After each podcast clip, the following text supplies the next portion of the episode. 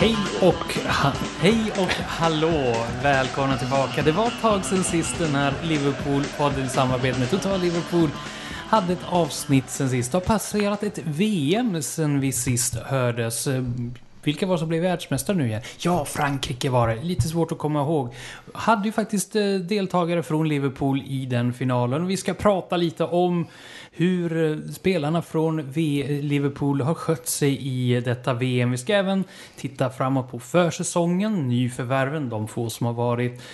Transferprat blir det såklart. En Var är jag nu en talang? Vi går vidare i vår suspekta drömelva och så blir det en topp 5-lista. Så att det är ett späckat program som vi gör återkomst med.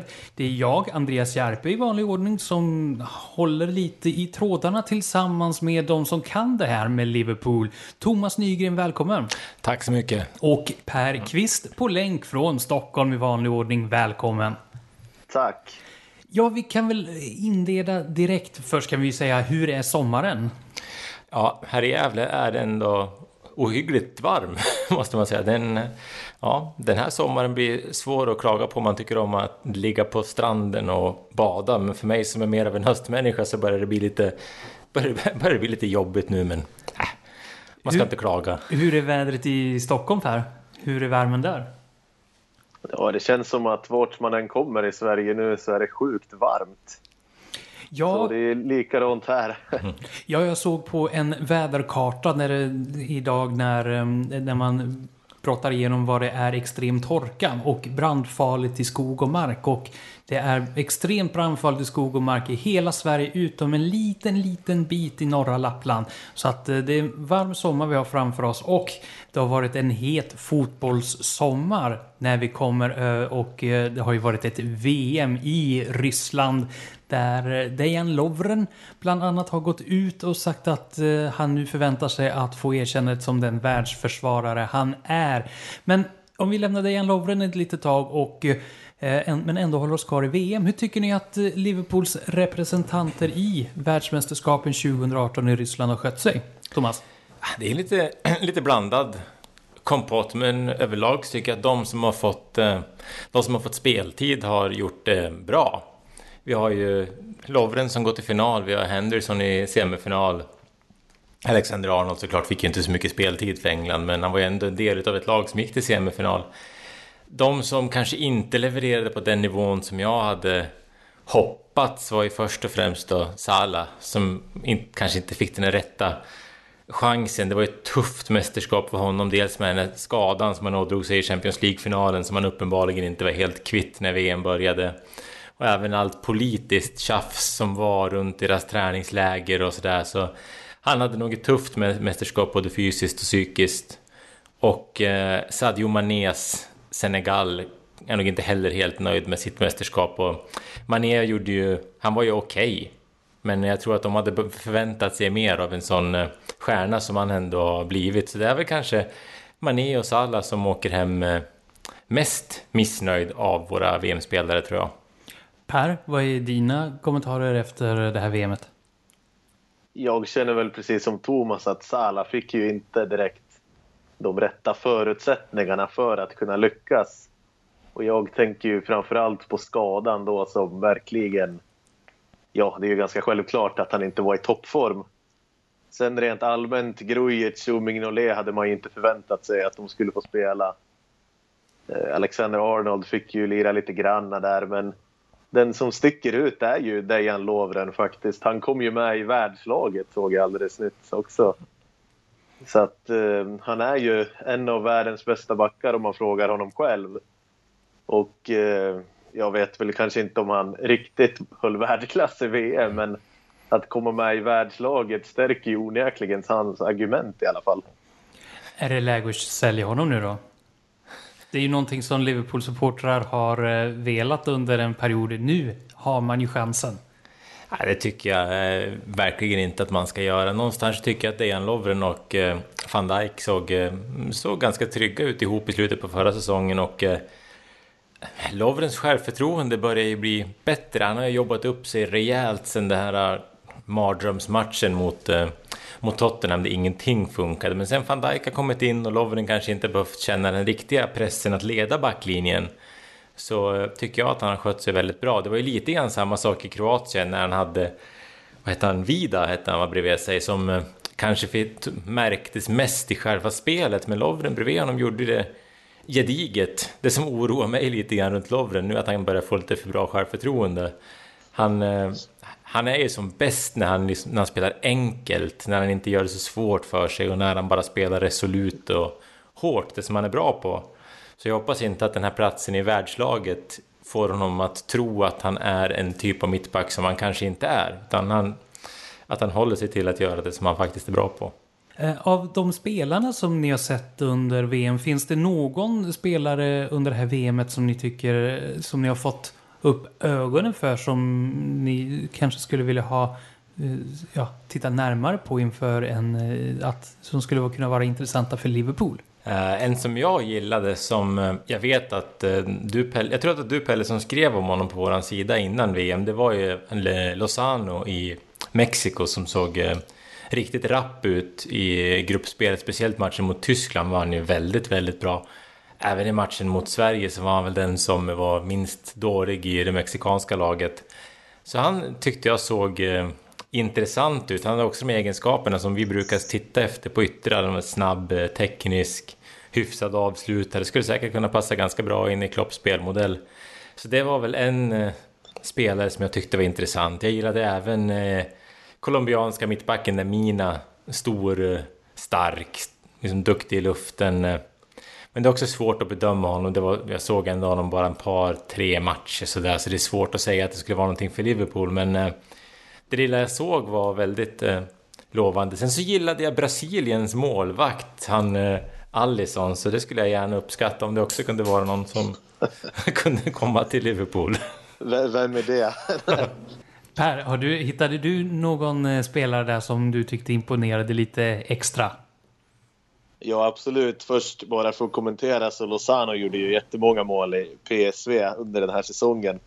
Och jag skrev ju innan VM att det här är ju hans chans att visa sig, visa framfötterna på en ännu större scen och det gjorde han ju faktiskt, måste man säga.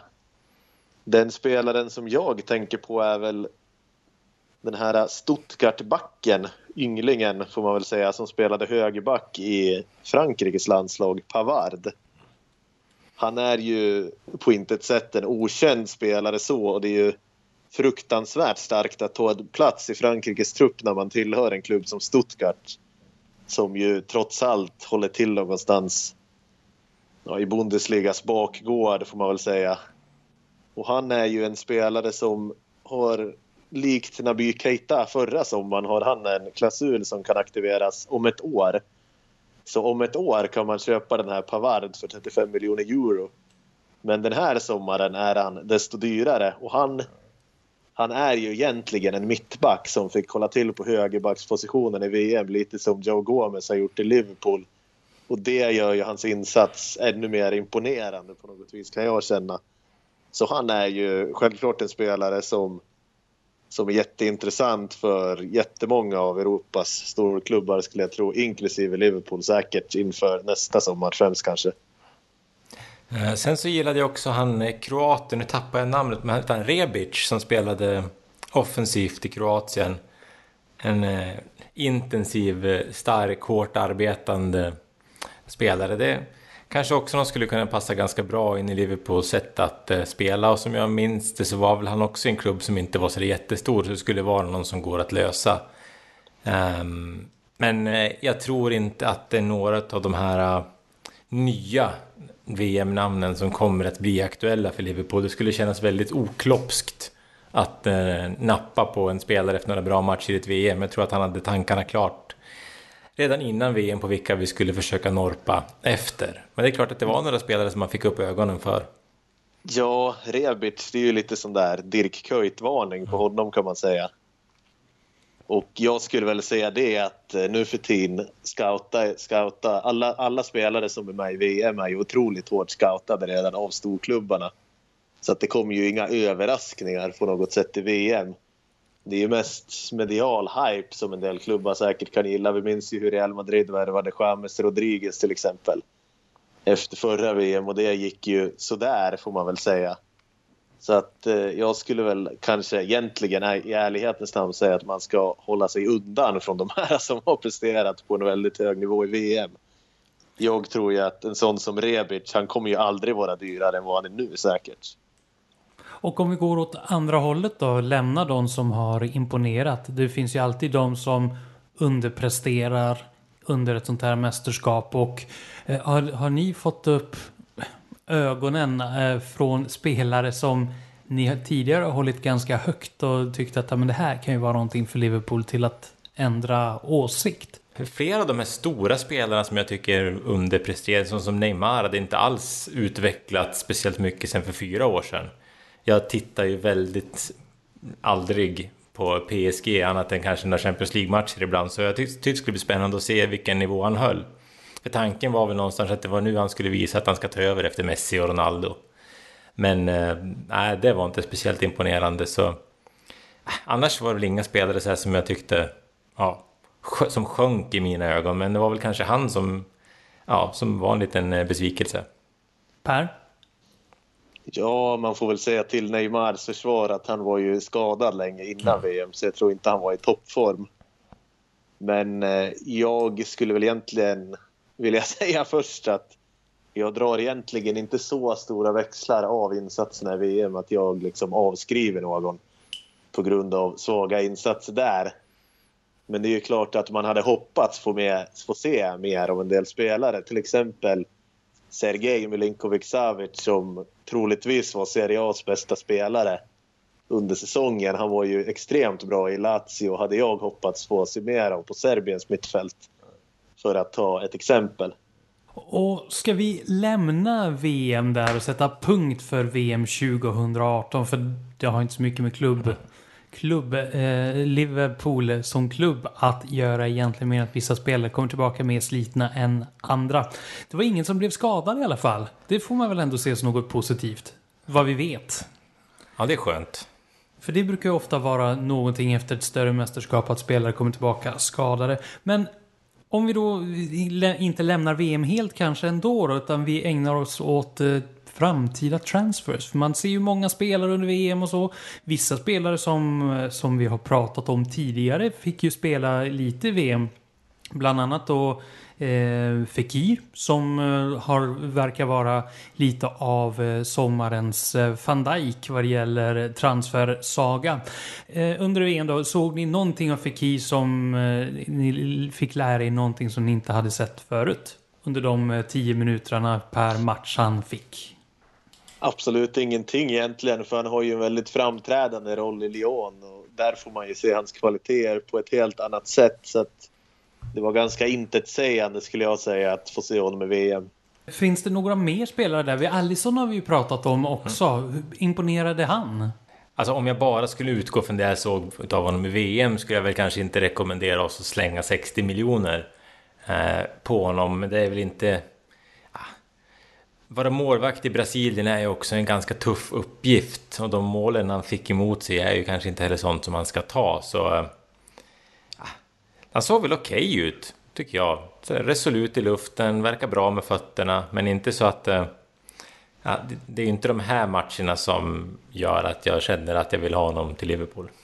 Och eh, siffran du nämnde där om Alissons eh, runt 60 miljoner anledning till att du slänger dig med just den siffran är att eh, just idag när vi spelar in den här podden så har det kommit fram eh, rykten från flera olika håll att Liverpool är väldigt intresserade av Alisson och börjar lägga ett bud i runda slängar eh, 60 miljoner. Eh, är han värd de pengarna, Per? Jag tycker ju definitivt att han är det. På samma sätt som van Dijk var värd 75 miljoner pund för Liverpool så är Alisson värd 60 miljoner pund för Liverpool. Kanske lite mer. Troligtvis kommer man ju behöva betala lite mer för att få han också. För Liverpool är ju... Jag tycker det är en ganska bra parallell att dra med van Dijk faktiskt. För Liverpool hade ju, hade ju flera bra mittbackar. Jag menar Lovren, Matip, Klavan får man väl ändå säga också. Det är ju, det är ju gedigna mittbackar. Det är inga urusla mittbackar men det är inte de här absoluta toppklassspelarna som lyfter ett lag och jag känner väl lite att på samma sätt är ju Karius och Mignolet, de är ju gedigna målvakter. Nu har ju Karius förstås hade ju en mardröm helt enkelt i Champions League-finalen men överlag så är de ju gedigna målvakter på den här nivån. Och det skulle ju vara en rejäl ansiktslyftning att få in en världsklassmålvakt för det tycker jag ändå att Allison är. Så jag skulle absolut rekommendera Liverpool att lägga fram de här stora pengarna. Och just målvaktsfrågan har ju varit en ganska infekterad fråga, eller kontroversiell fråga får man säga. Under de här träningsmatcherna som har varit så har det applåderats från eh, läktaren när Karius har gjort en räddning bland annat. Eh, och eh, om man nu inte skulle eh, ro i land då eh, Allison-affären, hur desperata tycker ni att Liverpool ändå ska vara att skaffa in en eh, målvakt? Ja, jag tycker den här situationen runt Karius har ju blivit väldigt... Eh, den är ju svår. Det går, oavsett hur, hur skicklig han är som målvakt så är det ju en svår situation. För det såg man ju nu när säsongen började. Eh, det började till och med rulla på liksom, sociala medier ett klipp av när han tappade in ett skott på uppvärmningen. Och det säger ju ändå någonting om vilken press som han står under när ligan drar igång. Han ska vara otroligt stark mentalt för att kunna kliva in i eh, premiären på Anfield och ehm, ja, jag, om inte Allison går att lösa då kommer det ju att vara Ward eller Karius som står i eh, premiären. För som vi lärt känna Klopp så har han sitt önskemål att få en viss spelare och eh, om inte det går så då kör han på tills han kan få den spelaren.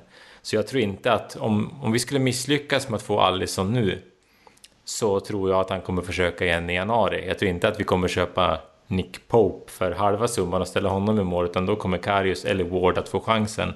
Och eh, det blir ju svårt. Speciellt nu när vi, med det här budet så blir det ju supertydligt att Klopp vill ha en ny målvakt. Och det lägger ju lite ytterligare press på Karius om det nu skulle vara så att inte vi får igenom det här. Så det är um, några viktiga dagar framöver för, uh, för speciellt inledningen av Liverpools säsong. För om Alisson skulle stå mellan stolparna när vi spelar premiär så skulle det vara en helt annan känsla. En helt annan sak som hamnar i fokus än om Karius skulle stå där. För om han startar för Liverpool i premiären, det kommer vara det enda som det pratas om i stort sett hur han ska klara det här. Hur fansen ska bemöta honom, hur, eh, hur Klopp ska skydda honom. Så jag eh, hoppas verkligen att vi får loss Alisson, för jag tror att det vore det bästa både för Liverpool och för Karius i dagsläget. Att han eh, inte behöver eh, ställas inför det publiktrycket som det skulle vara. Per, ja. om man inte får en världsmålvakt av Alissons klass, är det ändå värt att köpa en målvakt? Det är ju det där som är den luriga frågan för Klopp egentligen. Speciellt nu när han, som Thomas säger, så tydligt har signalerat att han vill ha Alisson. Och för mig signalerar ju det på något vis att han är, tror att han kommer att lyckas värva Allison. Och till skillnad från van Dijk så finns det ju rejäl konkurrens, konkurrens här om hans signatur. Det kan ju bli så att Chelsea ger sig in i leken på allvar och om de skulle värva Allison så, så är det ju väldigt konkret för Liverpool. Då kan man ju inte vänta till januari liksom, som om Alisson hade stannat i Roma. Då måste man ju ta någon annan eller satsa vidare på de man har. Och jag, jag tror ändå att Karius är så pass bränd att jag nästan både tror och hoppas att man kommer värva någon snäppet under då faktiskt. Det skulle inte förvåna mig ett dugg i det här läget. Ja, det lär väl eh, hända någonting ganska snart. Eh, vare sig Alisson köps eller inte så får vi svar. Eh, vi har en annan spelare som det ryktas fram och tillbaka på som har varit hela sommaren. Fekir. Vad, vad tror ni statusen är på honom? Är det, eh, är det bara att glömma det nu eller, eller kommer det hända någonting?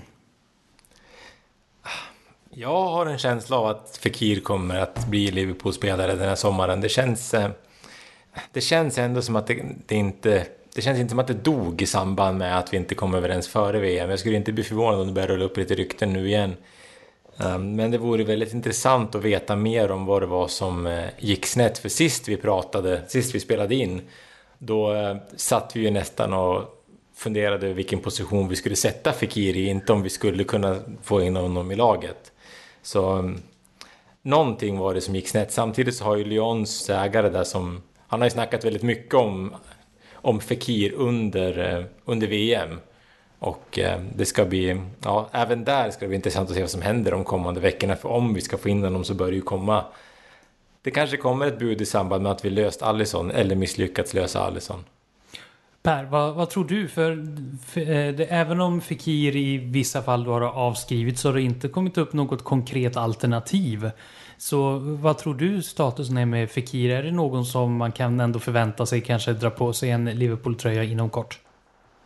Min tolkning av situationen eller vad jag tror utifrån det som jag har läst mig till är ju att man undersökte hans knä väldigt noga och man såg någonting där som man inte riktigt gillade så man bad om en second opinion. Och de gillade inte riktigt heller det de såg och därefter ligger det ju någonstans i sakens natur att det inte läcker ut så mycket för det är ju som vilken läkarjournal igen, som helst egentligen. Det är ju, det är ju sekretess på, ja, på, hans, på hans journaler också förstås. Så att därför har ju hela situationen blivit väldigt lurig att tolka eftersom väldigt lite information har sipprat ut. Men det som de här Liverpool-journalisterna verkar tro nu i alla fall är ju att möjligtvis kan Liverpool och Lyon komma överens om lite andra villkor och att Liverpool vill omförhandla då på grund av det man såg på den här läkarundersökningen.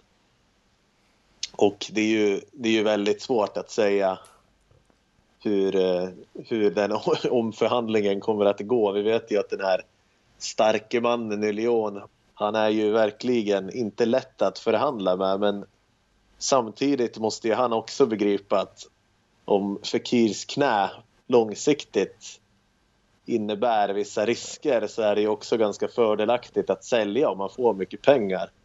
Rent krast och det verkar ju också som att Fekir själv verkligen vill flytta till Liverpool så jag tror ju också att det kommer att bli av just på grund av det jag har sagt i kombination med att ingen annan har nämnts. Ja, och det kan man väl säga är ganska talande ändå för Liverpools sommar den här sommaren. Det är inte så många spelare som har nämnts. Är det någon annan spelare nu som vi har missat som, som är på radarn som ni ändå tror har möjlighet att bli Liverpool-spelare som det har pratats om?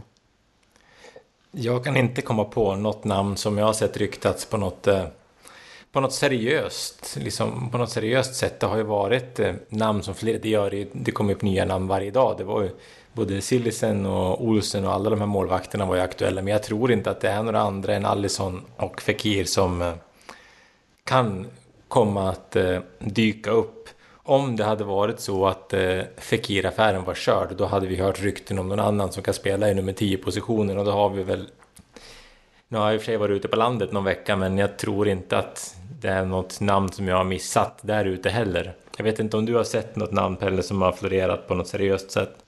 Ja, alltså den här brassen Bernard till exempel är ju free agent så han ryktas ju överallt förstås, inklusive Liverpool.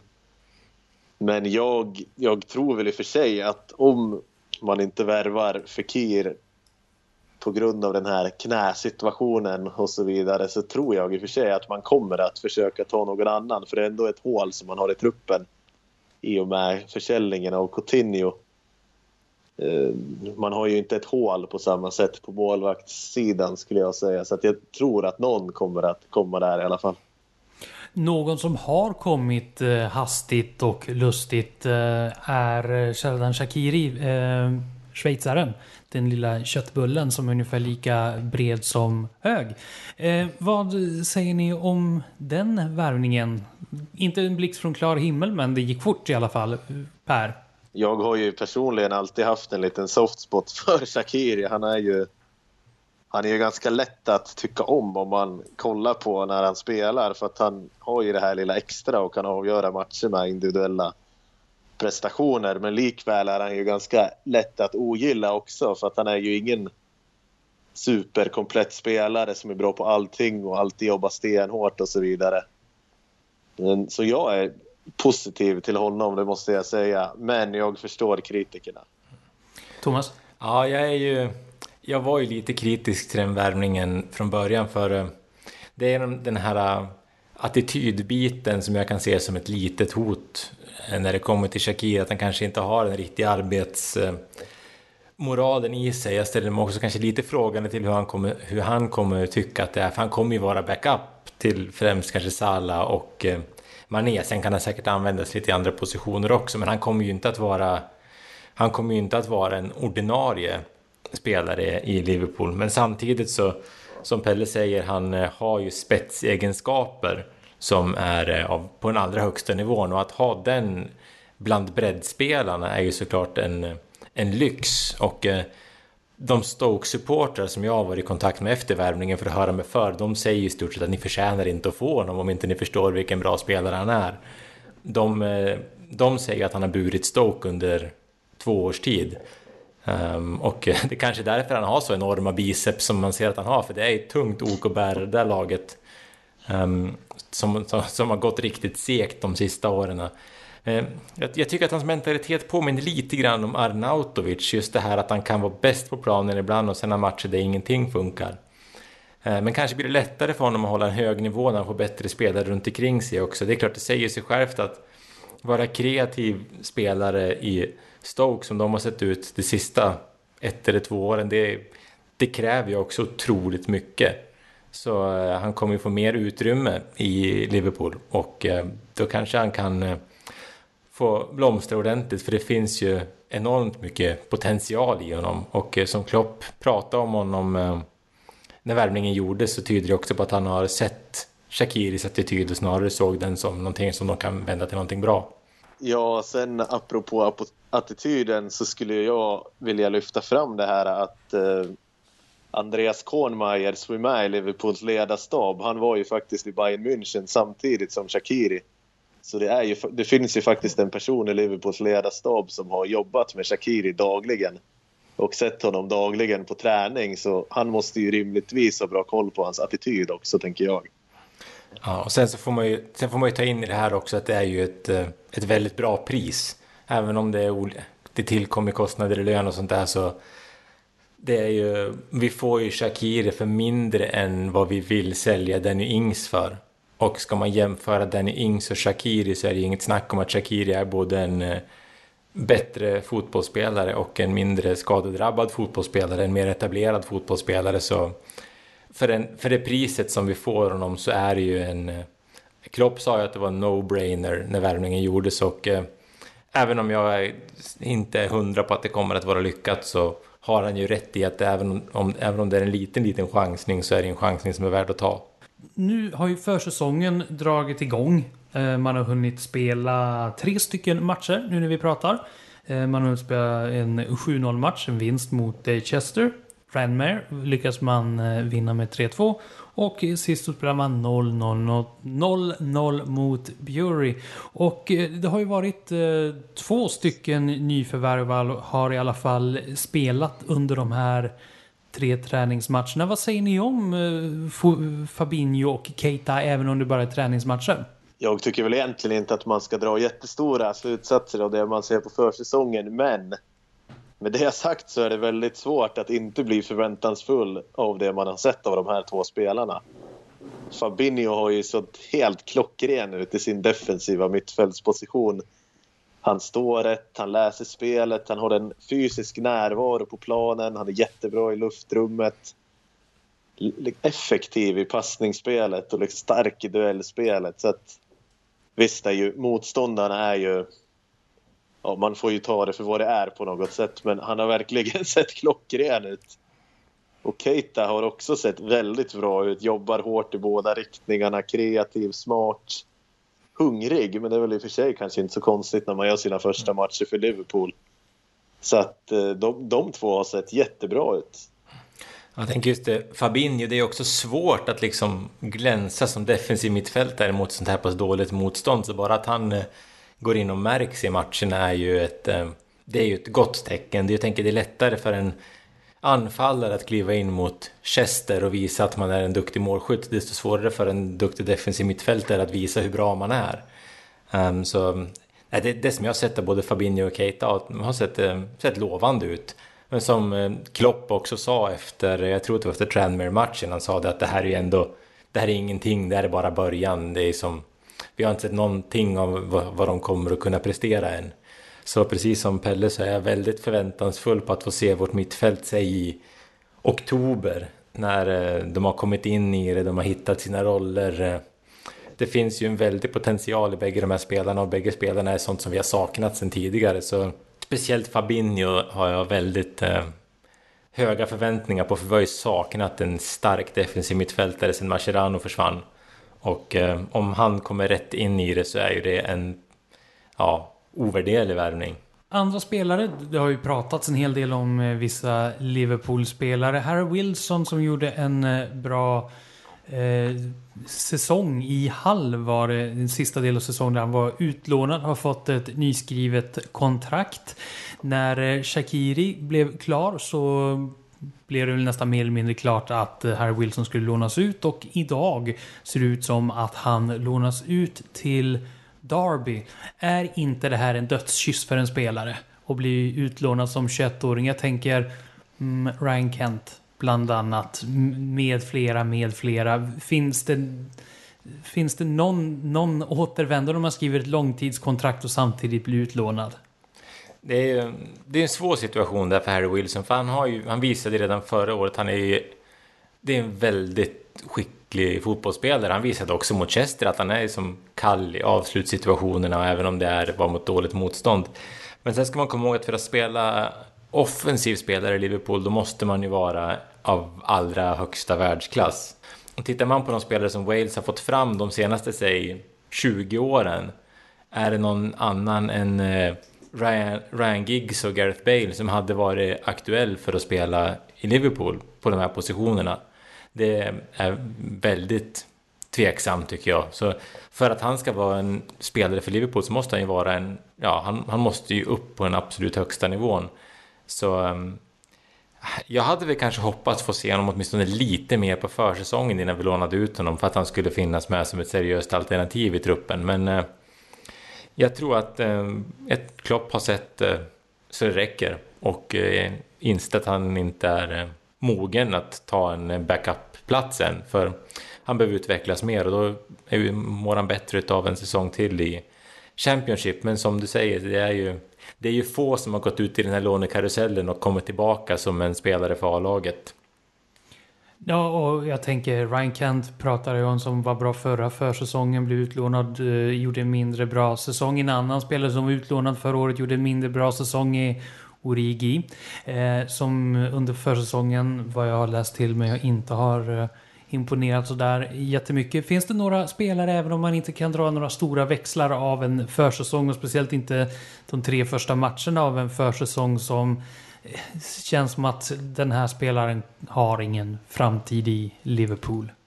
Ja, som du säger, Origi har ju varit fruktansvärt dålig faktiskt. Och även om eh, det är inte som nu, det är inte nu man ska vara som bäst så är det ju en stor besvikelse för att det har ju ändå varit ett visst snack om att okej, okay, om han visar fram fötterna så kanske han har en framtid som Firminos backup eller någonting, men det verkar ju inte bli aktuellt.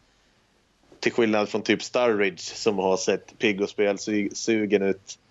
Sen så tycker jag att eh, Cholank fortsätter ju att trampa vatten. Han ser ju allmänt seg ut även nu på försäsongen precis som han ärligt talat gjorde hela förra säsongen. Så att, eh, det är mest anfallarna där, Solanko och Rigi som har sett risiga ut. Sen ska vi ju säga det att Markovic, han verkar ju vara i frysboxarnas frysbox. Han har ju inte varit med överhuvudtaget på försäsongen. Och det säger ju ganska mycket för att spelare brukar ju få vara med på försäsongen även fast de är helt körda i klubben annars. Ja, nej, det är väl eh, Origi som, som eh, Pelle tar upp också, som jag har tänkt på i första hand. Alltså att inte han lyckas göra ett mål mot det här motståndet. Han, eh, han, han skulle behöva göra mycket, mycket bättre ifrån sig. Och det syns ju också att hans självförtroende är långt nere på botten. Det är lite synd att se hans utveckling, för jag minns innan den här skadan som han ådrog sig för några år sedan så kändes han ju som att han skulle kunna vara en en framtida riktigt, riktigt bra anfallare. Nu känns det ju som att han har helt stannat upp i sin utveckling och eh, om han gör den här säsongen i Liverpool skulle jag bli väldigt förvånad. Samma sak med Solank, han är, han är ung fortfarande, absolut kan han utvecklas men på, i de här matcherna så måste han vilja visa mer. Det här ska ju vara liksom en chans för honom att verkligen eh, visa att han ska ha en roll i Liverpool. De andra den ordinarie anfallstrion är borta på semester eller spelar VM, då ska ju Solank vara som bäst. Och han har sett eh, trög ut, kommer fel i många situationer. Även om man är mitt i en försäsongsträning så måste man kunna förvänta sig lite mer tycker jag. För han är väl inne i samma försäsongsträning som Sturridge som har sett, eh, som har sett rapp ut. Och det är väl en sommartradition det här att man tänker att om bara Sturridge får vara frisk då Um, och det vet vi att det kommer inte han att vara, så jag tror inte att han kommer vara kvar när säsongen drar igång heller. Men uh, utifrån de här matcherna så är väl han den offensivt som har sett uh, piggast och mest uh, intressant ut, både målskyttemässigt men även visar prov på några fina framspelningar. Så han tycker jag har sett bra ut. I övrigt så motståndet har ju varit eh, för dåligt egentligen för att dra några direkta slutsatser och eh, ja, det är väl inga spelare som har sett sådär bländande ut. Ryan Kent satte ju ett fint mål mot Chester. Men eh, å andra sidan så hade ju Chester spelare som eh, såg ut som att de kom raka vägen ifrån eh, stranden eller baren eller puben. Eh, det var ju inget vasst motstånd så det pricka in ett skott ifrån långt håll ska man väl kunna om man är fotbollsproffs och inte har några direkta motståndare. Men nu har vi pratat en hel del egentligen om eh, anfallare som inte har presterat. Eh, Danny Ings som verkar vara på väg bort. Origi som har eh, stannat upp i sin utveckling. Solank som inte heller har varit sådär jättebra. Och Sturridge som alltid är skadad.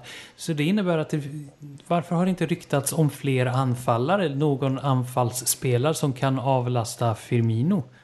Jag tror att planen är att Solank ska avlasta Firmino den här säsongen också. Jag vet inte om jag tycker att det är den eh, bästa lösningen, men jag tror att det är den lösningen som vi kommer att få se. Kanske även att man kommer använda en sån som Mané mer centralt. Vi, kan vi ska komma ihåg att en sån som Lalana kan ju faktiskt spela någon av ytterpositionerna.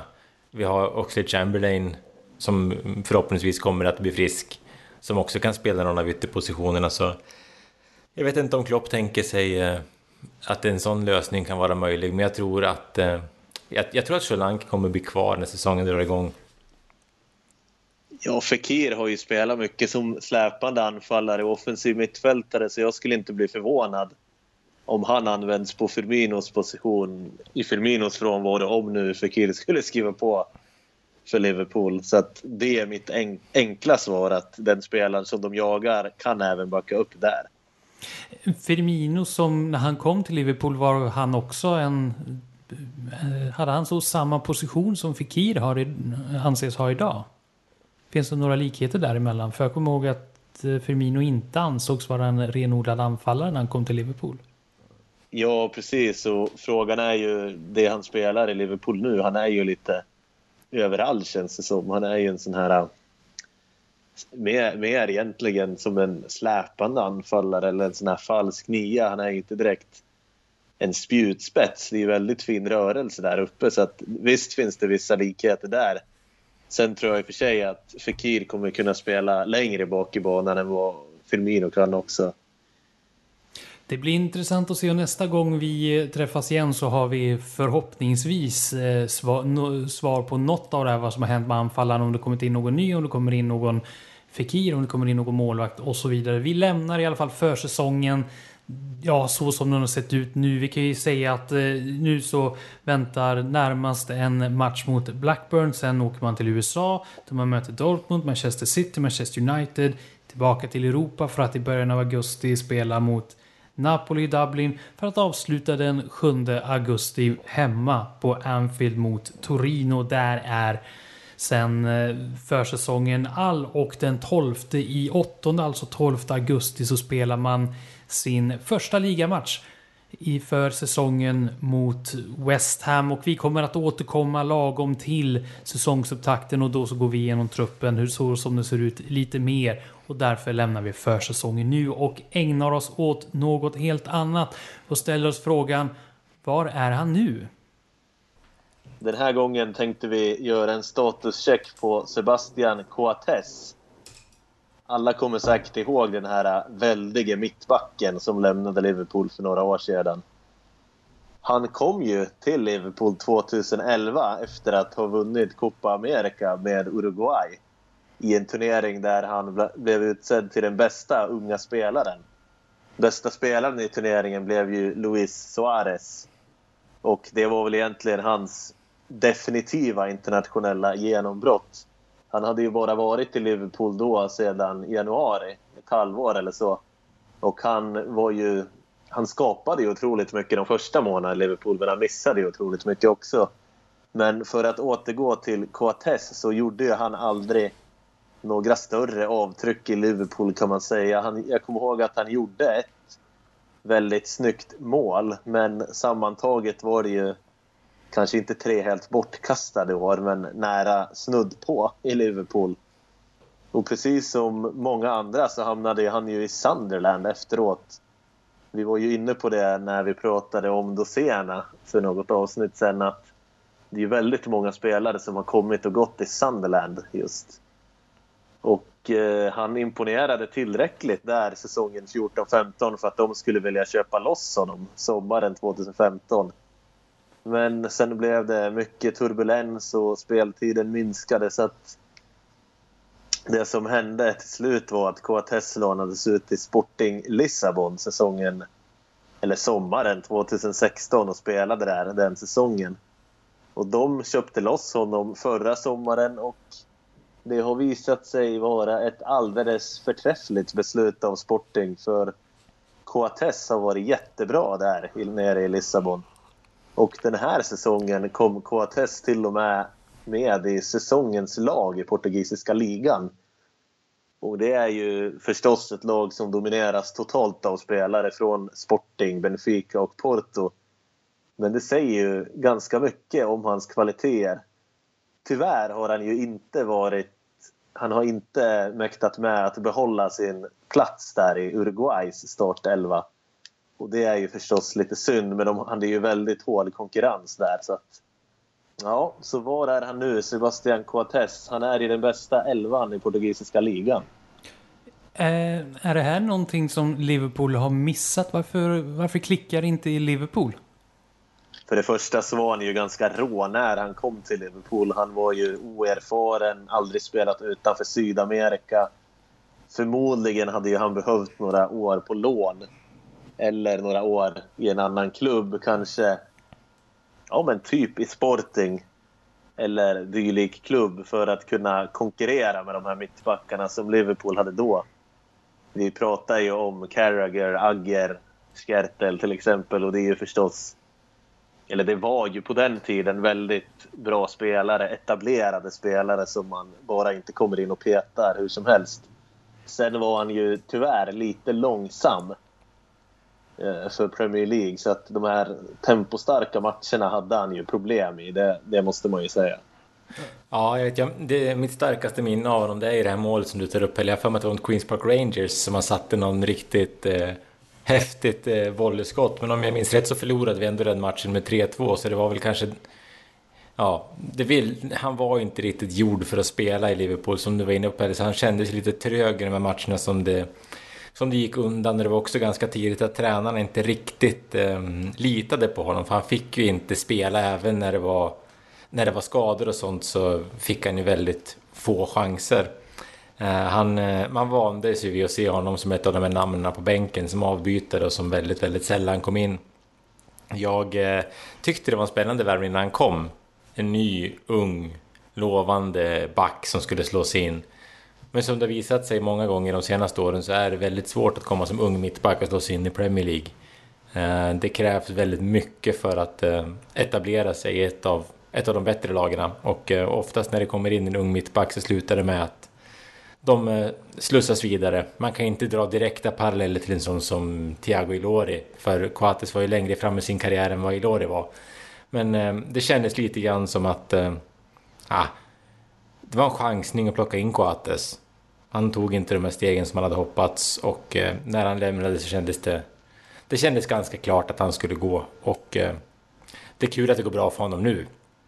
tycker jag. Han, eh, det var kul att se honom där i, på bänken i Uruguays landslag.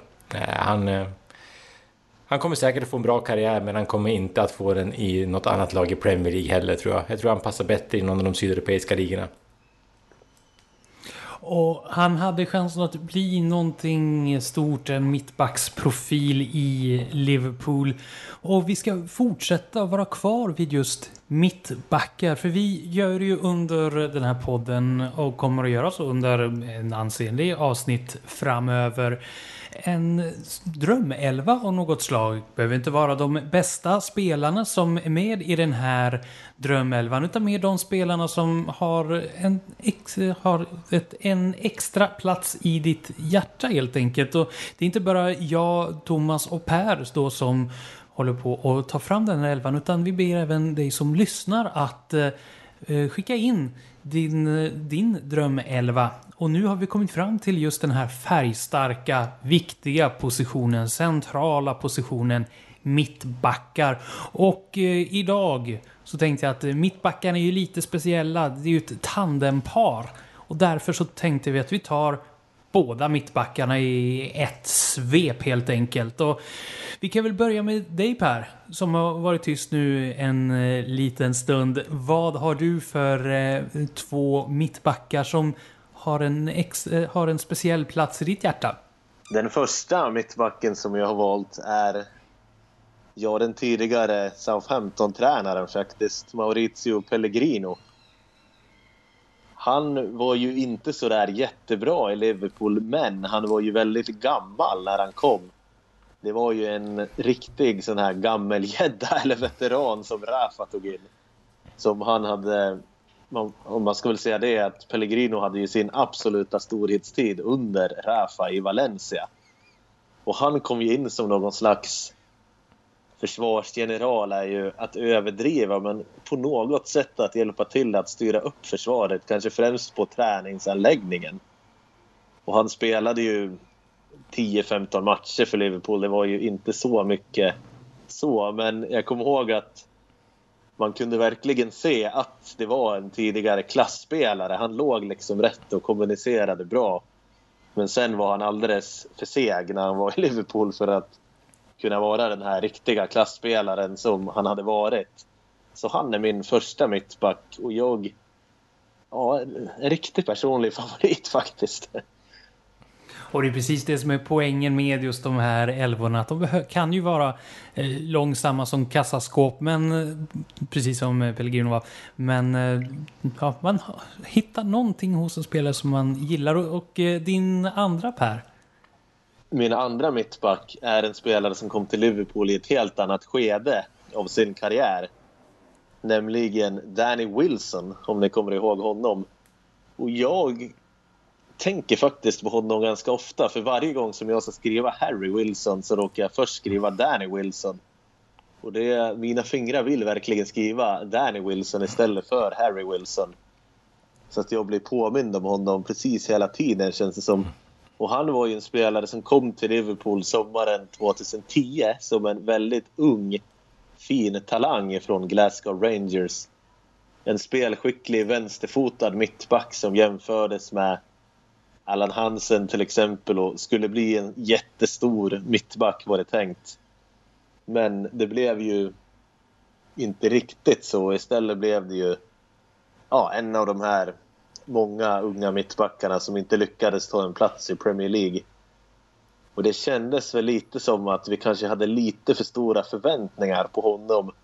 Men jag gillade ändå spelartypen på något vis. Att han var en brittisk mittback men likväl hyfsat spelskicklig. Och han är ju fortfarande bara 26 år så han är ju i allra högsta grad aktiv och man ska väl säga det att Liverpool lånade ut honom i några rundor och sen spelade han för Hearts och sen gick han tillbaka till Glasgow Rangers. Men nu spelar han för Colorado i MLS.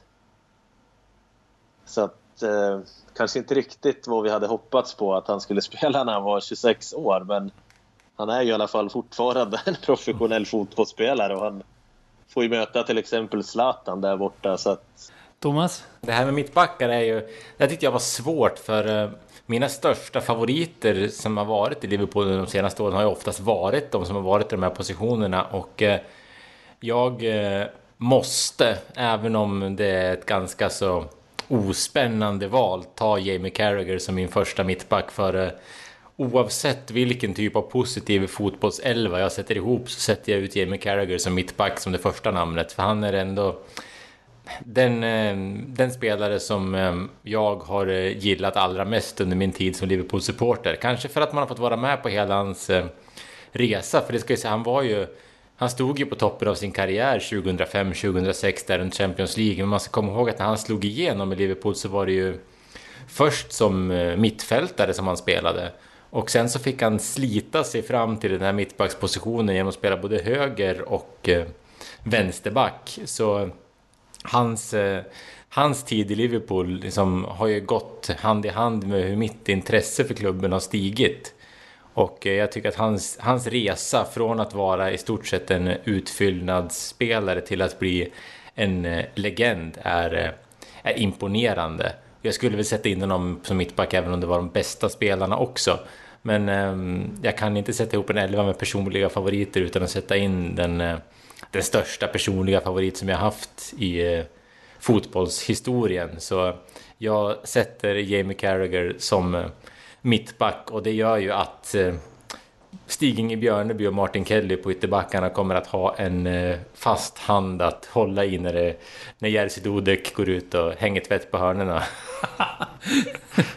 vem, vem får, får Carrier den stora äran att kampera med?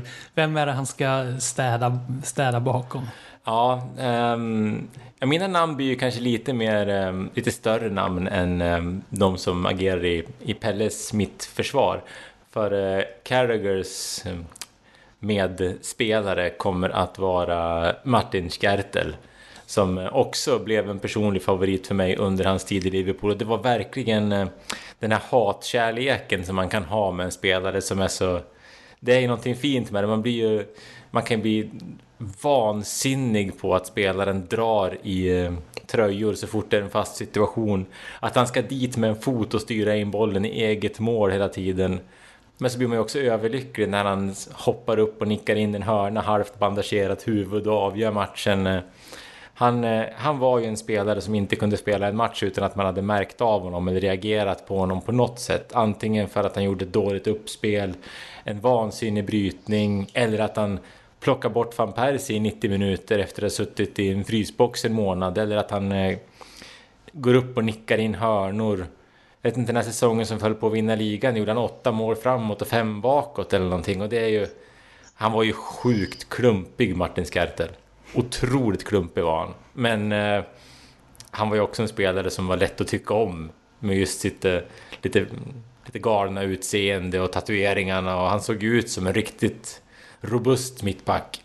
Sen så kan man väl säga att om, eh, om VAR hade skapats när Martin Skertel stod på toppen av sin karriär hade vi fått otroligt många straffar mot oss. För det var inte en hörna som han försvarade på på ett, på ett schysst sätt. Så ehm, jag sätter in Martin Skertel bredvid eh, Carragher och så hoppas jag att Carragher får sköta upp spelen. Ja, och eh, hade VAR varit någonting när Martin Skertel var som bäst så hade han aldrig blivit som bäst tror jag.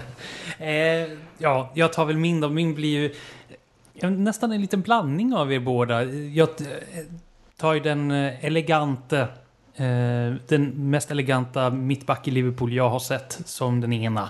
Eh, kamperar tillsammans med Carragher under en tid. Jag pratar om Sami Hyppie. Ja, jag vet inte, det går väl inte att säga så mycket om Hyppie. Han behöver ingen närmare presentation. Så som en mittback ska vara egentligen. Bra passningsfot, bra huvudspel, okej okay ledare där bak. Ja, ganska bra ambassadör för klubben. Jag vet inte vad, vad man kan säga för negativt om Hyppie. Han var väl kanske inte sådär blixtsnabb. Men han behövde inte vara det, utan han bara stod där ändå.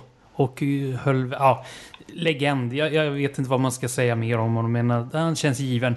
Den, eh, han, hans mittbacks kollega däremot inte alls lika given. Du nämnde honom förbigående tidigare Thomas idag. Thiago Ilori. Eh, som jag hade förväntningar på. Jag menar, om man får höra om en spelare att ja, men den här snubben han är snabbare än Cristiano Ronaldo på, på löppass. Visserligen ska man dra öronen åt sig men man får ändå en viss förhoppning och en förväntan om att ja, men där kanske man har, har någonting på gång. Men jag var nära att ta med eh, Danny Wilson. Eh, som en trogen fotbollmanagerspelare så var han en klar favorit när han var i Glasgow, den här Danny Wilson. Och min dröm var när man spelade Liverpool var att ha Danny Wilson och Thiago Ilori som mittbackspar, men jag kunde inte ta med båda. Den fick bli Sami Hyppien. Lite kvalitet måste man ha. Eh, så för mig blev det Sami Hyppie och eh, Thiago Ilori. Thiago Ilori som idag huserar i Reading såg jag. Och eh, Sami Hyppie är väl tränare av något slag. Vilken klubb han har fått sparken ifrån nu, det vet jag inte. Men han har varit i Brighton bland annat. Så det var mina mittbackar. Sami Hyppie och Thiago Ilori. Thomas mittbackar var eh, Jamie Carragher, som inte heller han behöver någon närmare för ja, presentation. Och även Martin Skartel. Och så har vi Per som valde ett par som var lite under radarn. Marcio Pellegrino och Danny Wilson. Och har du några mittbackar som du vurmar lite, efter, eh, lite extra för, du som lyssnar, så kan du skicka in dem så får vi lyssna till dem till nästa vecka då vi ägnar och kommer att presentera någon form av yttermittfältare skulle jag tro. Eller ja, vi tar en yttermittfältare. Eh, vi går till vänster på mittfältet. Och... Ska väl ändå börja från höger? Ska man börja från höger? Ja. Vad tycker du Per? Höger eller vänster? Vi tar någon som kan spela på båda kanterna. Men vi går från höger. Jag, jag litar. Jag, vi säger, Thomas, du bestämmer. Vi går från en höger mittfältare. Och då så kan man väl ändå... Ska man få ta en forward också? Jag tänker... Eh, Salah, är han en anfallare eller en yttermittfältare? Man får väl motivera sitt val. Motivera valet om du ska ta Salah som uh, yttermittfältare. Och annars behöver du inte motivera om du tar en... Ja, vanlig yttermittfältare. Mm. Vad nu det är för om någonting. Dar Darren Potter kan man, behöver man inte motivera, det räcker med. Han var ju högerytter.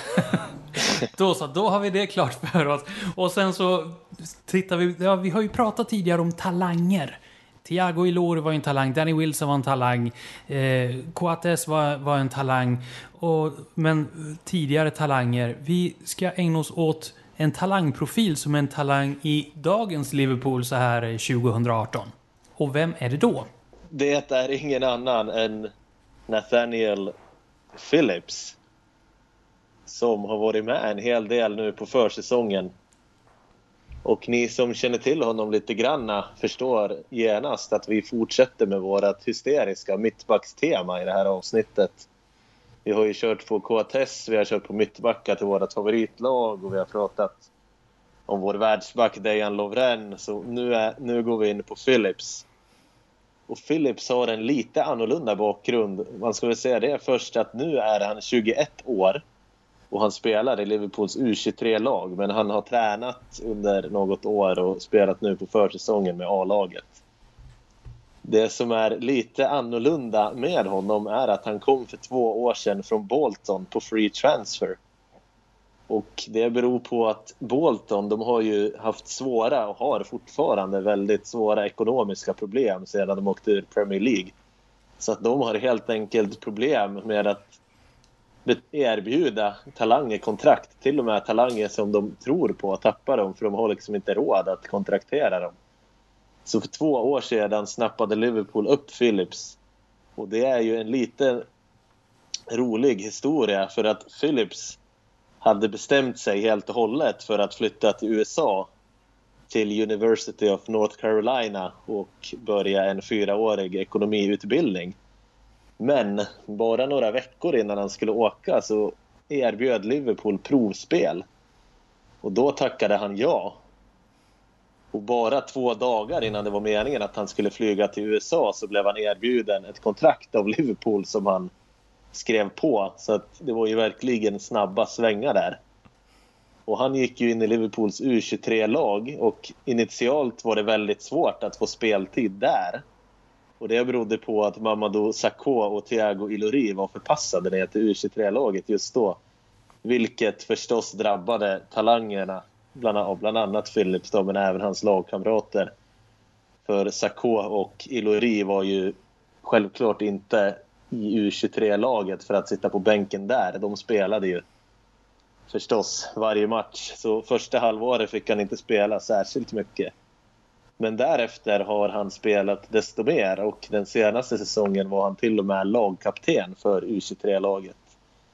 Och hur spelar Phillips då? Ja, han är ju en lång och reslig mittback som läser spelet bra och är bra i luftrummet. En Ganska klassisk engelsk mittback skulle jag säga och han är ju hyfsad med fötterna. Och nu är ju hans stora målsättning självklart att få följa med A-laget på USA-turnén. Det återstår ju att se om det blir så, om han har imponerat tillräckligt mycket hittills under försäsongen. Men det är ju inte helt omöjligt i alla fall.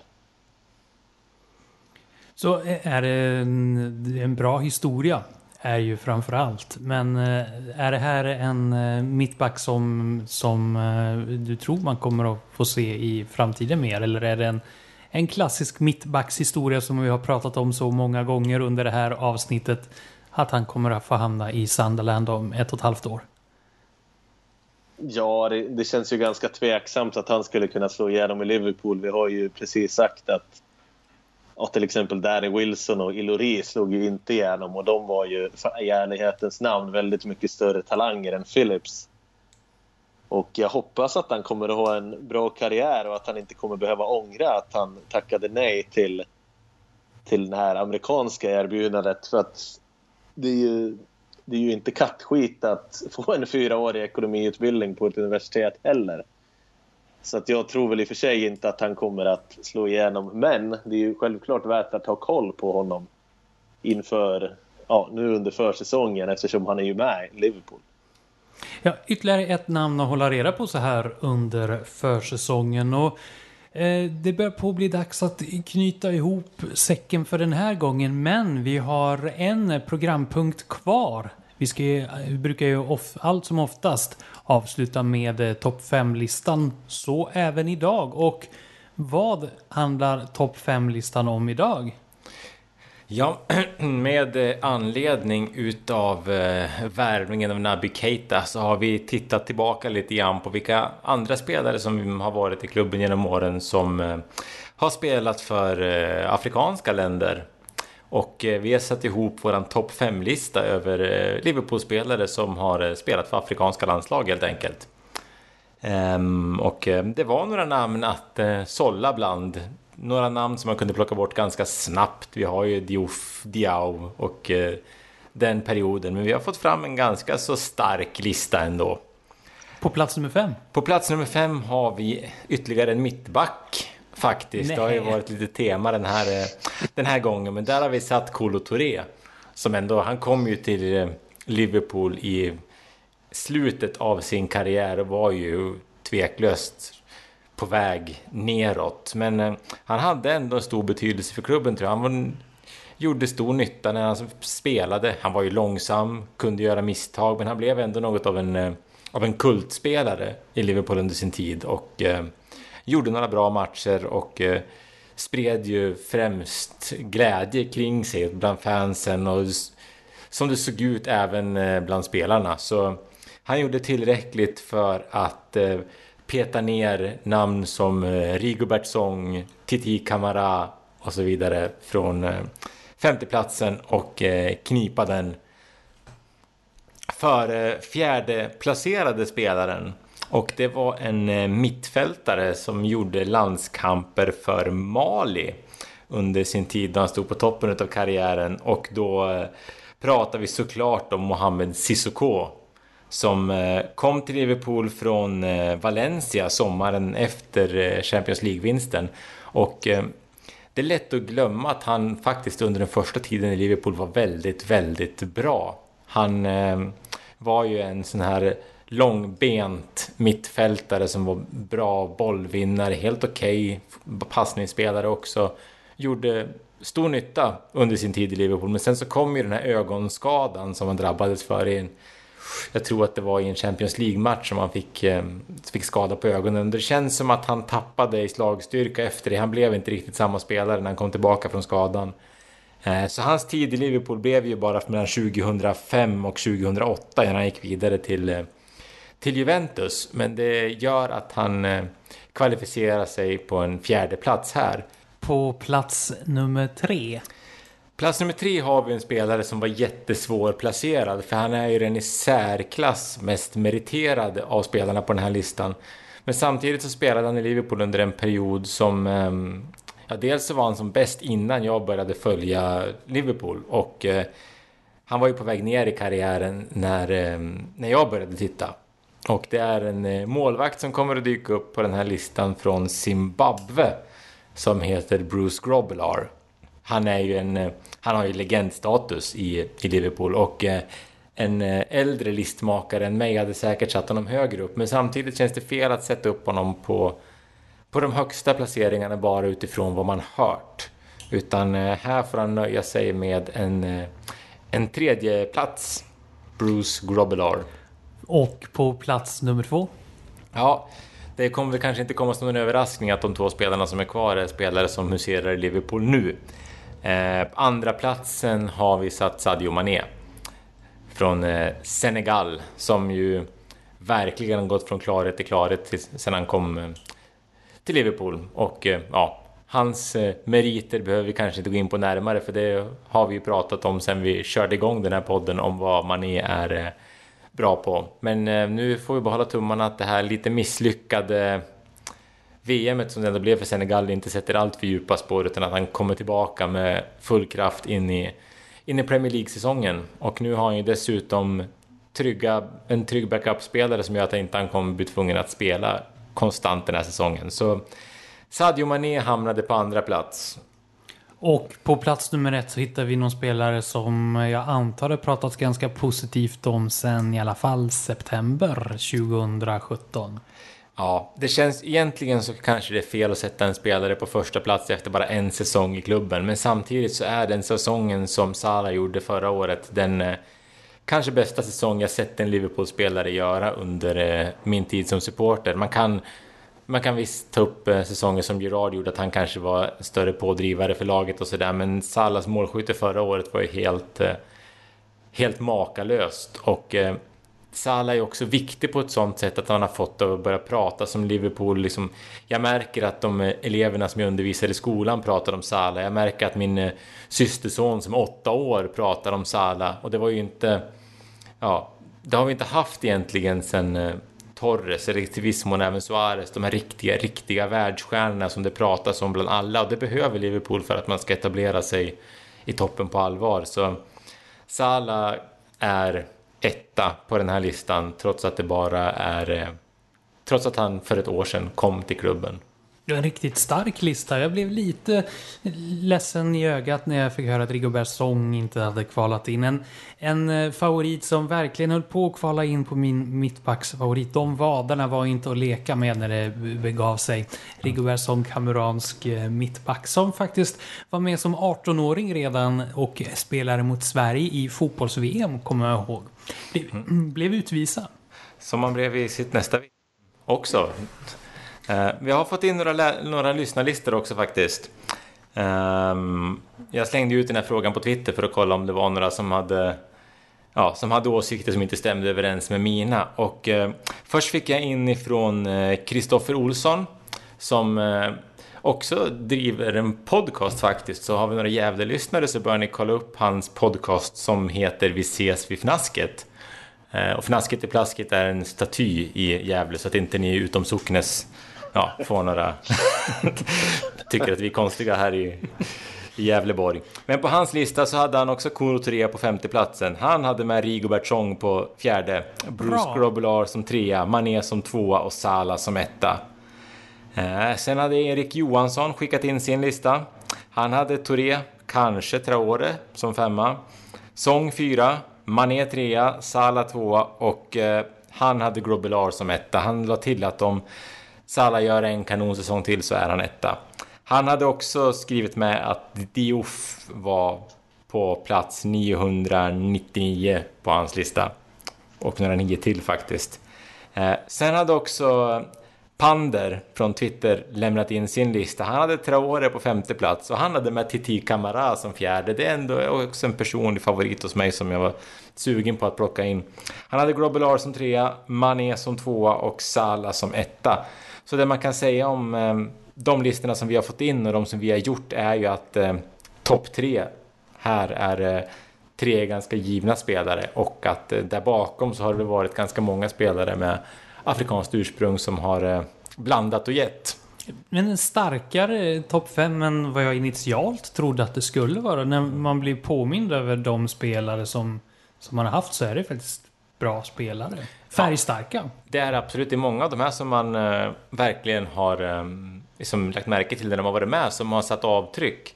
Eh, Traore var ju han, han, är en av de sämre spelarna som spelat en Champions League-final såklart och hans första halvlek där var ju helt horribel men samtidigt så är det ju en spelare som man aldrig kommer att glömma.